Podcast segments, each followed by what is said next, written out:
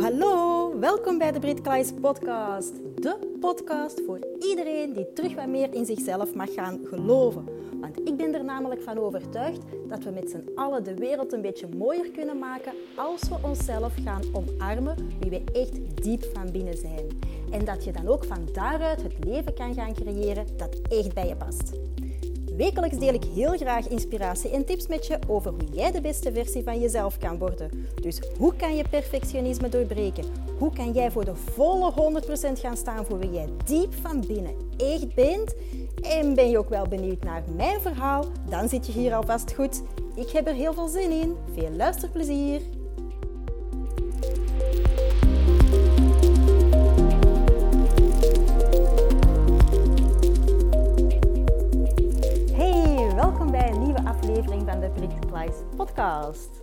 En vandaag ga ik het hebben over de 10 symptomen van perfectionisme.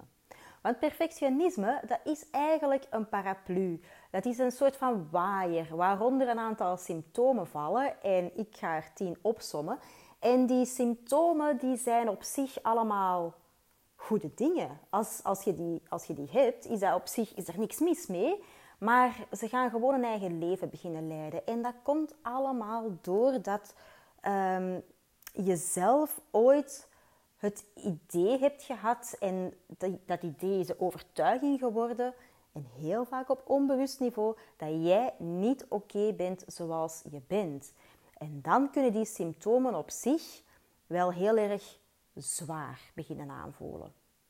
En het kan ook wel zijn dat er een aantal symptomen zijn waarbij je helemaal niet gaat herkennen of uh, in veel mindere mate. En dat is keigoed. Dus dat wil ook wel zeggen dat je daar al aan gewerkt hebt of dat dat bij jou gewoon niet zo hard speelt. En dat is, dat is niet meer dan goed, kan dat alleen maar toejuichen. Wat wel ook belangrijk is om te weten bij perfectionisme, is dat er um, één werkwoord is dat er heel, heel vaak in jouw hoofd spookt en dat is het woord moeten. Je moet heel veel. En niemand vraagt dat van jou, dat ben je zelf. Jij moet veel van jezelf. En daartegenover, als je dan toch zoiets hebt van ik moet dat doen, maar ik wil dat niet doen en ik ga dat eens een keer, ik ga dat nu eens niet doen, hè, dan staat daar tegenover een, een heel groot schuldgevoel. En het lijkt wel alsof dat je continu moet kiezen tussen twee kwaden. Ofwel iets wat je moet doen, wat zwaar aanvoelt, ofwel ja, die berg schuldgevoel die je hebt en dat eigenlijk ook wel aan je aan het vreten is. Dus er is gewoon geen uitweg, of zo lijkt het toch. En aangezien dat perfectionisme zich op dat onbewuste niveau afspeelt, ehm, ja, probeer je ook heel veel te gaan beredeneren in je hoofd. Maar het is juist in je, in je gevoelswereld dat er heel veel is en daar ben je volledig van afgesneden. Dus het is, het lijkt, het is niet, maar het lijkt gewoon zo, zo moeilijk om dat te kunnen doorbreken. En je begrijpt er gewoon niks van. Dus ik hoop echt oprecht dat jullie hier iets kunnen gaan uithalen, dat jij hier iets kan, uit, kan halen, zodat je, ehm, ja, zoals bij mij toen, hè, ik, ik had toen jaren geleden het gevoel van, er is iets mis met mij. En vanaf ik dit wist, had ik zoiets van, oh, maar er is niet van alles mis met mij. Um, ik heb gewoon last van iets en daar kan ik wel iets aan doen. Hè? Dus dat is, het, is, wil niet zeggen, doordat ik dat toen wist, dat het allemaal verholpen was. Maar het was bij mij al wel de eerste stap. Het was een bewustwording. Ik, ik, ik was er al uh, iets wijzer uit geworden. Ik, uh, ik kon het al plaatsen in mijn hoofd. En dat was gewoon al een eerste stap. Nu, het eerste symptoom, en dat is het, ja, het allerbelangrijkste um, symptoom, vind ik toch wel. En dat is dat je anderen gaat pleasen. Je gaat, je gaat please gedrag vertonen. En, en waarom is dat ook zo? Omdat je zelf je niet zo heel erg belangrijk voelt. Je vindt jezelf niet oké zoals dat je bent. Dus je kan die bevestiging niet krijgen vanuit jezelf. Wat dat eigenlijk wel uh, ja, zo zou mogen zijn, hè, maar je vindt dat niet. Dus je gaat op zoek naar bevestiging van buitenaf. Je gaat op zoek naar bevestiging van anderen, zodat jij een gevoel krijgt van ik ben wel oké. En dat is maar eigenlijk een hele korte shot geluksgevoel dat je krijgt. Want het is niet dat je daar lang op kunt gaan teren. Nee, je hebt dat continu eigenlijk nodig. En wat kan daaruit allemaal voortvloeien? Dat is dat je bijvoorbeeld um, gaat zorgen voor iemand, maar op een dwangmatige manier. Dus dat je dat ook weer gaat moeten doen. Of jij vindt dat je dat gaat moeten doen.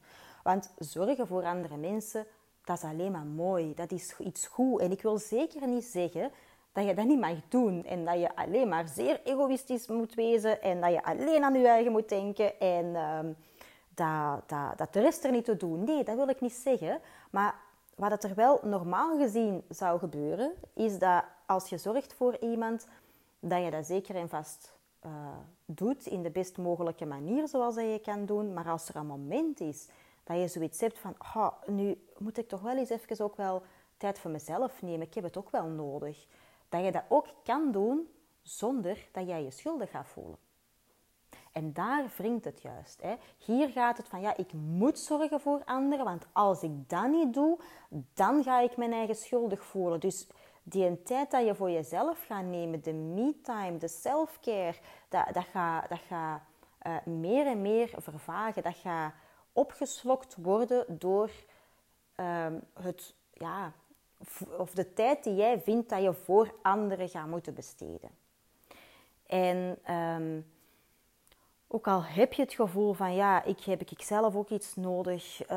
Pff, ik wil dat ook eens een keer kunnen vertellen aan, aan, aan anderen, zodat ze dat weten. Ja, dat gaat er niet doen, hè?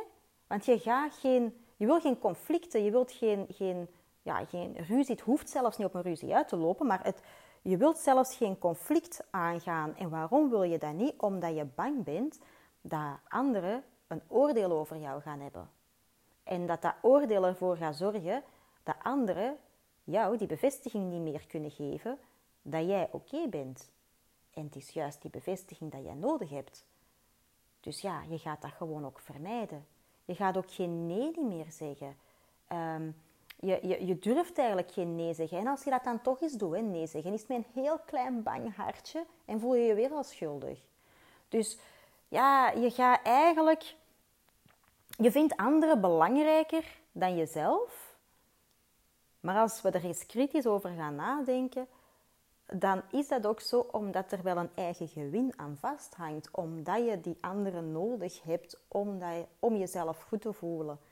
En um, de verwachtingen die dat je hebt, of, of ja, je gaat dat ook allemaal niet, niet uitspreken, weer om dezelfde reden. Hè? Want stel je voor dat mensen je gaan veroordelen. Dus het kan zelfs misschien zo zijn dat je, dat je zelf gaat verwachten dat anderen gaan weten wat jouw verwachtingen zijn, zonder dat jij die verwachtingen uitspreekt. En dat is gewoon te gek voor woorden, want niemand kan in je hoofd zitten. En op sommige momenten, of toch zeker in mijn geval, uh, en al zeker vroeger, maar ik ga niet zeggen dat dat nu niet meer kan gebeuren, is dat maar goed dat anderen niet in mijn hoofd zitten. Want och, garme toch. Um, dat is geen cadeau om anderen in je hoofd te hebben zitten. Dus weet het is, heel fijn en heel goed om te werken aan op een volwassen, constructieve manier te kunnen communiceren met anderen. Zodat je um, jezelf en de anderen gelijkwaardig op hetzelfde niveau, um, ja, dat je, dat je tot, een, tot een tegemoetkoming kunt komen, zodat iedereen tevreden is. Um, wat gebeurt er ook wel nog heel vaak in dit kader met please-gedrag en zo verder, is van, ja, dat je zelf um, alles wil gaan oplossen. En dat je geen hulp durft te vragen. Want ja, maar stel je voor dat anderen jou kunnen gaan zien als een soort van mislukking. En dat is ook weer iets dat jij in je eigen hoofd het veel groter gaat maken dan dat eigenlijk in principe is. Want, allee, bekijk het nu eens een keer. Ik vond dat zelf heel moeilijk. Hè? Ik vond het verschrikkelijk moeilijk. Het heeft me maanden gekost om hulp te vragen. En um, daarvoor heeft het mij ook nog heel veel tijd gekost om te zeggen van ja, het gaat niet echt oké met mij. Dus Het is heel moeilijk om dat te kunnen doorbreken. En het inzicht dat ik toen gekregen heb, ehm, was van... Maar kijk, je zorgt zelf graag voor anderen. Als jij iemand kunt helpen, dan doet je dat ook. En je vindt dat leuk om te doen. Gunt anderen dat ook, dat ze dat mogen doen voor u. En op een of andere bizarre manier had ik dat totaal niet door. En heeft iemand anders um, mij dan een keer gezegd. En dat was uh, mijn psycholoog toen. En dat was voor mij echt een eye-opener. Dus ja, misschien is het voor jou ook een eye-opener, misschien ook niet. Hè? Maar het is toch wel fijn om daar eens even bij stil te staan. Hulp vragen wil niet zeggen dat je zwak bent. Integendeel. Dat zorgt voor verbinding. Oké. Een tweede symptoom, en dat is het symptoom waar de meeste mensen perfectionisme wel mee linken, en dat is uh, de hoge lat stellen, die hoge kwaliteitseisen hebben. En die hoge kwaliteitseisen die heb je vooral voor jezelf. Het is nooit goed genoeg. Het kan altijd beter. Je bent niet tevreden met wat je doet. Bent sowieso al niet tevreden met wie dat je bent, hè, want je bent niet oké zoals dat je bent. Dus je gaat proberen om voldoening te halen uit dingen die je doet. En dat is ook nooit niet goed genoeg. Dus je legt de lat voor jezelf enorm, enorm, enorm hoog. En dan ja, automatisch uh, denk ik ook wel dat je dan ook de lat voor de mensen rondom je heen ook hoger gaat leggen omdat je zelf die verwachtingen hebt van jezelf. En dat is ook een onbewust iets. Hè. Um, de lat voor anderen gaat sowieso altijd lager liggen dan de lat die je voor jezelf legt. Maar ik denk wel dat als je voor jezelf zo'n hoge lat hebt, dat je automatisch ook wel een hogere lat naar anderen toe gaat creëren. En dat is ook niet altijd even fair naar anderen toe. Er is niks mis met anderen te motiveren en dat anderen ook kunnen groeien als persoon. Maar, maar ehm, ja, om dan zo echt een, een voorwaarde eraan te zetten, een hoge lat echt te, plaatsen, uh, dat is niet altijd even fair. Um, een derde symptoom is ja, laag zelfbeeld. Waarom vind jij jezelf niet goed zoals je bent? Ja, omdat je eigenlijk uh, weinig zelfvertrouwen hebt. Je hebt weinig zelfliefde, je hebt weinig zelfwaarde. Daar schort ergens iets aan. En ook al kan je wel beredeneren in je hoofd dat je jezelf wel graag ziet, dat je wel zelfvertrouwen hebt, um, maar diep van binnen is dat toch niet voldoende aanwezig en kan daar nog aan gewerkt worden. En naar mijn mening is um, zelfliefde echt wel de sleutel. Als jij jezelf graag ziet, dan heb je ook veel meer zelfcompassie. En uh, dan ben je ook niet meer zo streng voor jezelf. En dan um, bekijk je de wereld niet meer zo, ja, zo, zo, zo zwaar of zo. Je, je, gaat, je gaat milder zijn voor jezelf en je gaat milder zijn voor je omgeving. Ongetwijfeld. Ongetwijfeld. En ik denk ook wel dat zelfliefde een eeuwigdurend proces is. Uh, of toch zolang dat je leven duurt. En op zich is daar ook helemaal niks mis mee. Ik denk dat we gewoon verschillende lagen ook wel hebben. Want als iemand zichzelf mega graag ziet, zonder, uh, zonder meer en, en, zonder eens even uh, te reflecteren naar zichzelf, ja, dat is ook niet zo gezond. Dus ik denk dat er telkens verschillende lagen ook wel zijn en dat je telkens gewoon ook dieper kunt gaan voor wie dat jij eigenlijk wel bent en dat je onderweg gewoon jezelf op elk moment graag mag zien en tegelijkertijd ook het besef hebben van ja oké, ehm, ik ben er misschien nog niet waar ik wil zijn, ik heb misschien nog wel een werkpuntje, maar het is oké dat ik dat werkpuntje heb. Ik ga daar ook mijn best voor doen. Dat is ook wel zelfliefde. Dus wees wat milder voor jezelf. Wees wat lief voor jezelf. Spreek jezelf ook toe met lieve woorden. Want welke woorden over, overheersen er in je hoofd?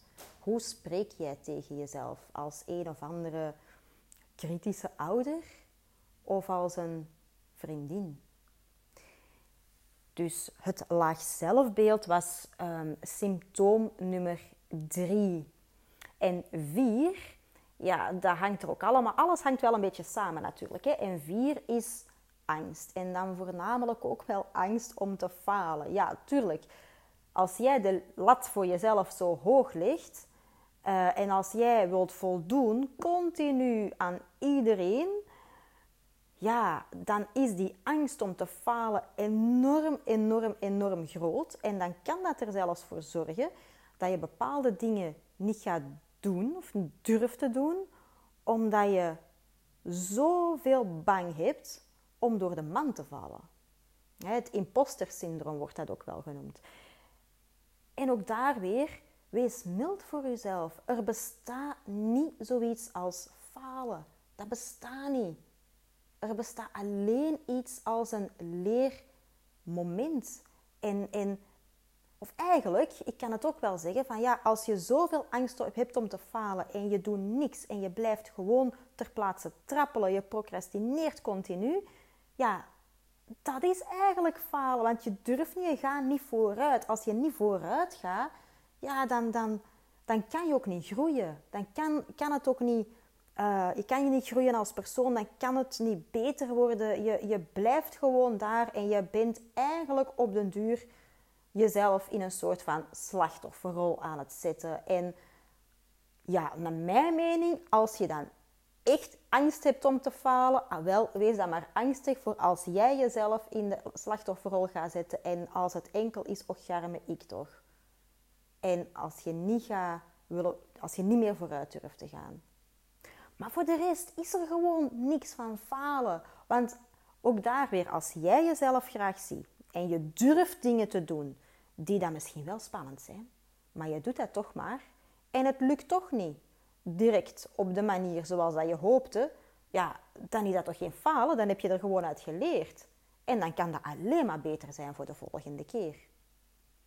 Dus ja, faalangst is eigenlijk ook iets waar we onszelf veel, veel groter durven, um, of waar we zelf veel groter kunnen maken dan dat het eigenlijk is en waar we heel hard in kunnen vastlopen.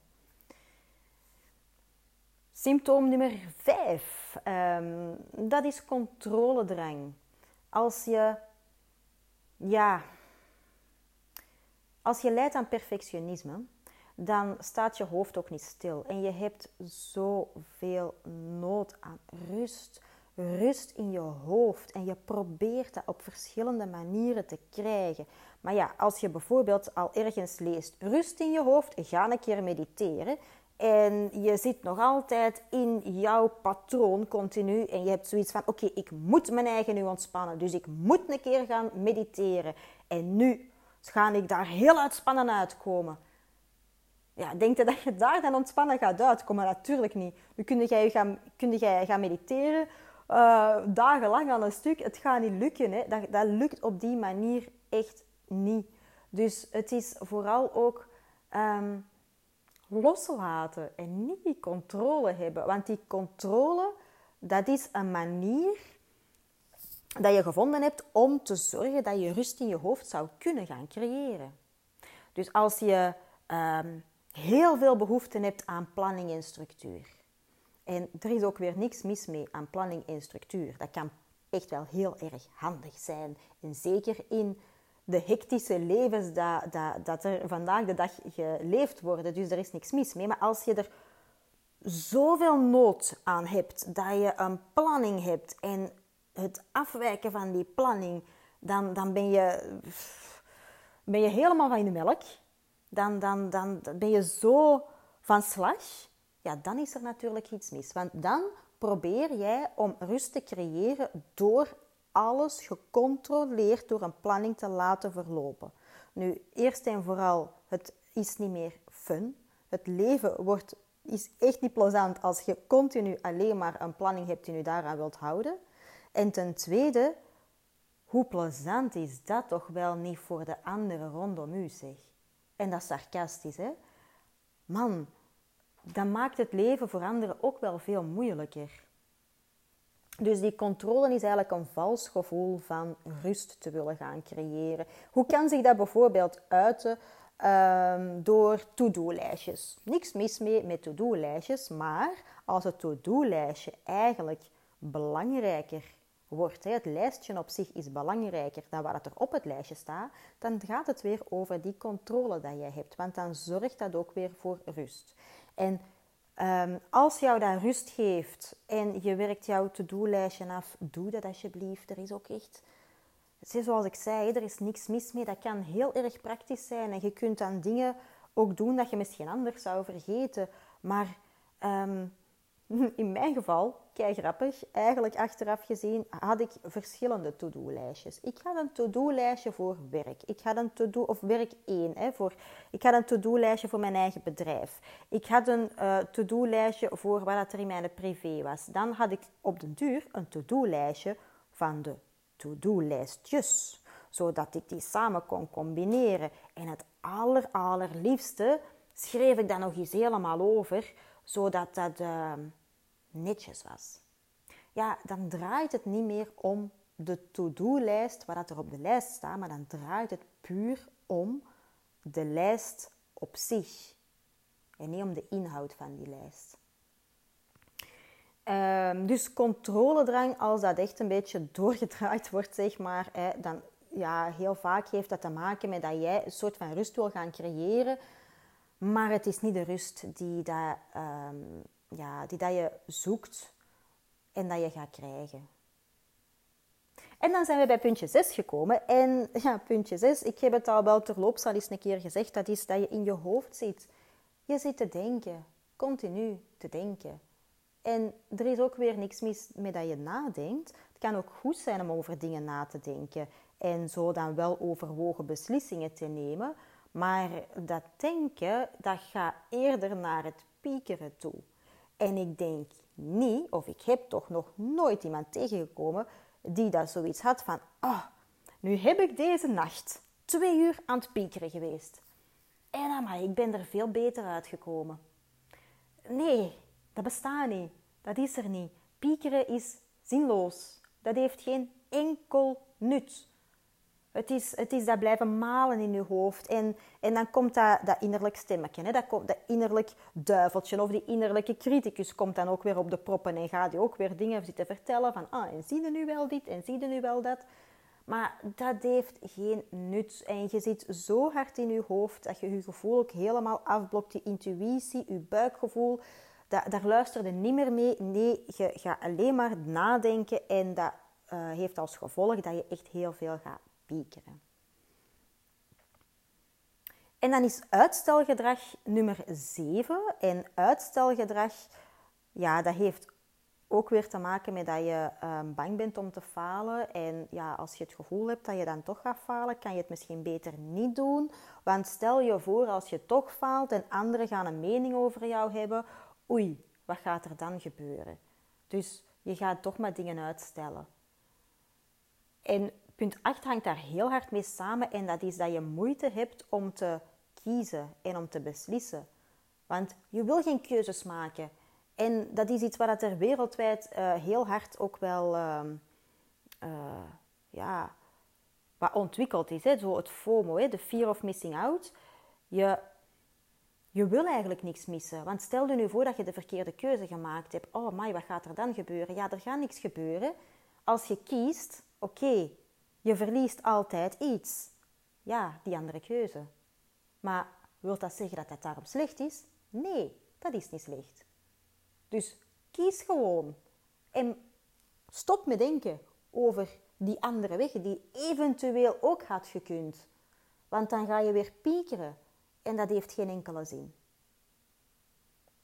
En al die zaken die bezorgen, tot hiertoe wat ik heb opgenoemd, ik heb er nu acht opgenoemd, die bezorgen u gewoon veel stress. Die bezorgen u ongelooflijk veel stress dat niet nodig is. En um, ja, je hebt als, als punt 9, ook een hele belangrijke bij perfectionisme, is dat je een heel groot verantwoordelijkheidsgevoel hebt. Je, je, ja, je hebt zo het gevoel alsof dat je of dat je zelf zo van alles aan het trekken bent en dat je zelf um, de kar trekt en dat je, dat je niemand niet mag teleurstellen. En dat, die verantwoordelijkheidsgevoel zorgt er ook wel voor dat je het laatste puntje, puntje 10, um, gaat blijven doen. En dat is dat je nooit opgeeft. Opgeven staat niet in je woordenboek. Je blijft doorgaan, ook al bezorgt u dat heel veel stress.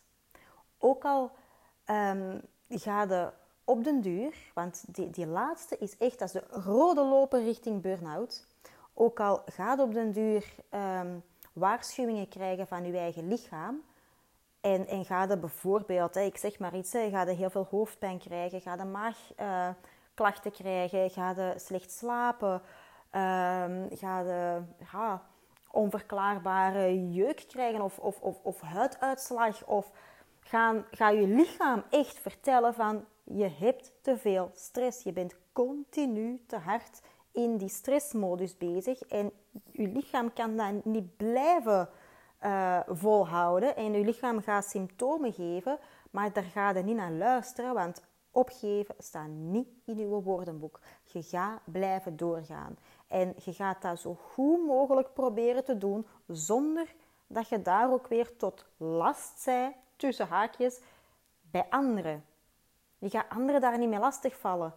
Dus je doet dat allemaal puur op jezelf. En dat zorgt er ook echt wel voor dat er vroeg of laat, dat, ook al verstop je het zo hard, ook al wil je niet echt luisteren naar dat, dat, dat knagende gevoel dat je hebt, naar dat, die leegte dat je hebt, en, en heb je zoiets van, oh, het is allemaal wel oké, het is niet zo erg. Um, er zijn andere situaties dat veel erger zijn dan die van mij. Ja, tuurlijk zijn er situaties die erger zijn dan die van u. Maar er zijn ook situaties die minder erg zijn dan die van u. En jij bent wel belangrijk. Jouw situatie is ook belangrijk. Daar mag ook naar gekeken worden. Jij mag daar ook wel echt naar kijken. En als je blijft doorgaan en je gaat, dat, gaat er niet naar luisteren, heel vaak, heel vaak kom je echt eens tot op een punt dat je niet meer verder kunt. Dus ik hoop, heel, uit heel mijn hart, hoop ik echt dat Ehm, als je dit nodig had, als je dit wou horen, dat je ook tot het besef komt dat je de bewustwording hebt van oei, ehm, ik kan er echt wel iets aan doen. Want als ik er niks aan ga doen, dan gaat het vroeg of laat ja, gaat misschien nog erger zijn dan dat op deze moment is. En ik gun het echt iedereen om ehm, ja, te weten dat je echt oké bent met wie dat je bent. En dat je echt mag luisteren naar jouw gevoel. Dat jij er ook mag zijn, dat jouw gevoel er mag zijn. Dat, dat jouw mening er mag zijn, dat jouw emoties er mogen zijn. En dat dat allemaal goed is. En zeker als jij de intentie hebt om het goede te willen doen, is er niks, maar totaal niks mis mee dat jij jezelf op die eerste plek zet. En dat wil niet zeggen dat je geen rekening meer gaat houden met anderen. Want als dit resoneert met jou, dan, dan ga je dat nooit doen. Je gaat nooit zo egoïstisch worden dat je anderen volledig gaat vergeten. Nooit. Want dat zit niet in jouw aard. Maar je mag wel, je mag dat echt wel om jezelf ook belangrijk te vinden. En het is heel belangrijk, het is echt super belangrijk dat jij jezelf helemaal gaat omarmen om wie dat je bent om wie dat je bent, om dat jij jezelf graag gaat zien. Dat jij vanuit je binnenste dat, dat vertrouwen gaat krijgen om wie dat je bent en het vertrouwen in wat dat je doet en dat je van daaruit de anderen rondom jou gewoon ook mee gaat laten profiteren van, van, uh, van jouw eigen proces. Want als je dat niet doet, de anderen voelen dat ook wel. En, en ja, en die staan eigenlijk ook een beetje machteloos. Dus neem dit mee. Jij bent goed. Er zijn een aantal symptomen van perfectionisme die dat het leven jou enorm, enorm, enorm zuur kunnen maken. Maar het zijn allemaal op zich zo mooie uh, persoonlijkheidskenmerken die dat je hebt. En als je die positief gaat kunnen inzetten, dan, ja, dan wordt het allemaal gewoon echt veel lichter, veel beter, veel mooier. En dat gun ik jou. En ik hoop dat jij dat jezelf ook wel gunt. Oké, tot de volgende keer. Bye!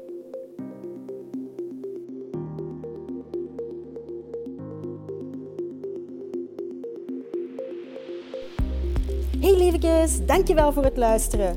Nu, wat kei plezant zou zijn, is dat als je deze aflevering interessant vond, om dan even een screenshot te maken en dit te delen op Instagram. En vergeet me dan ook niet te taggen, want ik vind het gewoon kei leuk om te zien wie er allemaal luistert. En heb je een vraag of heb je een inzicht gekregen of wil je me gewoon iets delen? Stuur me dan gerust een berichtje. Je vindt me onder de naam pinkability-britkleis. En wat ook wel kei plezant zou zijn, is dat als je op iTunes een korte review kan achterlaten. Want hoe meer reviews, hoe beter de podcast gevonden wordt en hoe meer mensen ik kan bereiken om ze te inspireren. Een dikke, dikke, dikke merci en tot de volgende keer.